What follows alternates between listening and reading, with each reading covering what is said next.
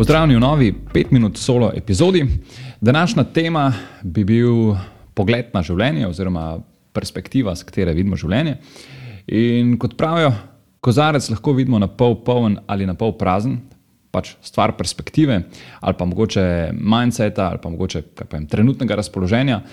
Kakorkoli že, gre za pomembno reč, ki pogosto loči ljudi na pozitivne in negativne oziroma ne samo da loči, pogosto je tudi razlog, eh, kako se nekako etiketira ljudi. In lahko bi rekel, da ta ista zadeva pogosto tudi postavlja neko ločnico med našim dobrim in slabim počutjem, in verjetno posledično tudi vpliva na posameznikov socialni krok. Zdaj, ne bi mogel reči, da se na eni strani povezujejo samo pozitivno misleči, pa na drugi strani samo negativno misleči. Je pa nekako dejstvo, da se ljudem s pretirano negativno nastrojenostjo in posledično neko negativno energijo pač radi ognemo. Verjetno že nekako podzavestno čutimo, da nas vlečejo v neko napačno smer. In zadnje čase rad preverim, kaj o nečem govori stoična filozofija, oziroma ponovadi nekako kontra, da me um, k, razmišljanju spodbudi um, ali kak zapis v knjigi Daily Stoic ali pa, ali pa njihov newsletter. In tako sem nekako naredil tudi za ta primer. In takoj sem naletel na dva zanimiva citata Markusa Aureliusa, ki jih je šeral um, Ryan Holiday v Daily Stoicu. In sicer um, Markus Aurelius pravi, da duša postane obarvana z barvo svojih misli. In pa drug tak citat, ki se mi je zdel nekako v kontekstu, je bil, da je sreča um, našega življenja pač odvisna od kakovosti naših misli. In nekako oba citata se mi zdi, da zelo dobro povzameta pomembnost perspektive, ki jo mora imeti vsak posameznik pri pogledu na svet in na življenje. Mogoče lahko dodam še eno zgodbo, ki mislim, da je bila prav v istem tem um, zapisu na Daily Stoiku, um, pa se mi zdi, da nekako res paše v tale kontekst. In sicer moški se pogovarja s svojim vnukom in um, malemu pove, da, vseh, da vseh nas poteka velika bitka med dvema volkovoma.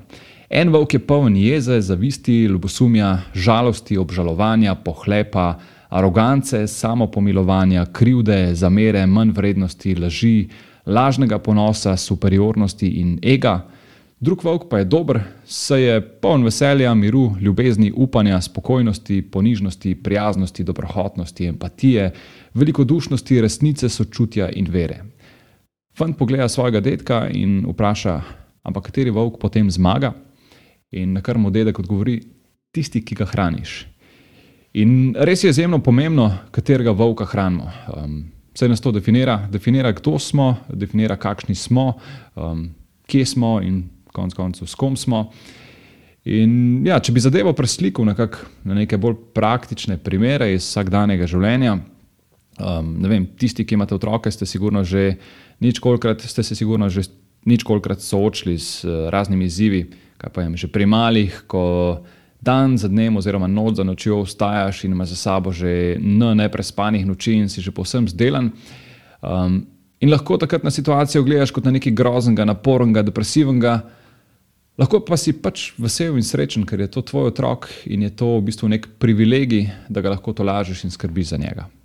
Um, ali pa mogoče primer, da imaš pomemben sestanek v službi, kjer bi moral prezentirati neko pomembno tematiko, ampak ti zaradi spleta okoliščin, ne, neka nepredvidena pač situacija, eh, ti ni uspel narediti prezentacije in to situacijo si lahko razlagaš kot grozno, skoraj da ne konc sveta, ne veš, kaj bojo rekli, kako se bojo odzvali. Um, lahko pa si pač dokaj pomerjen in greš naprej, um, greš samozavestno naprej, ker pač še vedno veš, o čem moraš govoriti in tega znanja ti pač noben ne more vzeti, tudi če ga ni na prezentaciji. Um, ali pa primer, lahko pakiraš kavčke in torbe v avto za, druž za družinske počitnice in si jezen, ker je avto premajhen za vse stvari, ki misliš, da jih nujno potrebuješ na dopustu. Ampak lahko si pa preprosto hvaležen in zadovoljen, da greš eh, na družinske počitnice in veš, da bo to nek prijeten čas z družino, da bo to neke nove dogodivščine, da bo iz tega nastale neke nove zgodbe.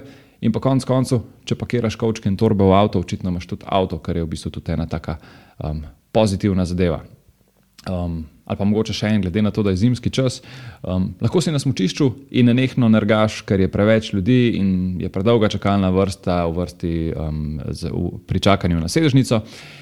Lahko pa si preprosto rečeš, da pač smučaš, kot lahko pač smučaš in uživaš v lepem vremenu, v snežni pokrajini in se imaš pač fajn. Skratka, v kakršni koli situaciji se znajdemo, vedno lahko zberemo, kakšna bo naša perspektiva. In ja, mogoče za konec, um, ko naslednjič vidiš kozarec na pol prazen, pomisli, katerega volka hraniš. Še ena zadeva, preden greš, oziroma dve zadevi, preden greš.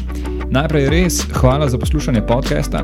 Če ti je bila epizoda všeč, te vabim poslušati ostalih epizod, tistih, ki so že objavljene in tistih, ki še bodo.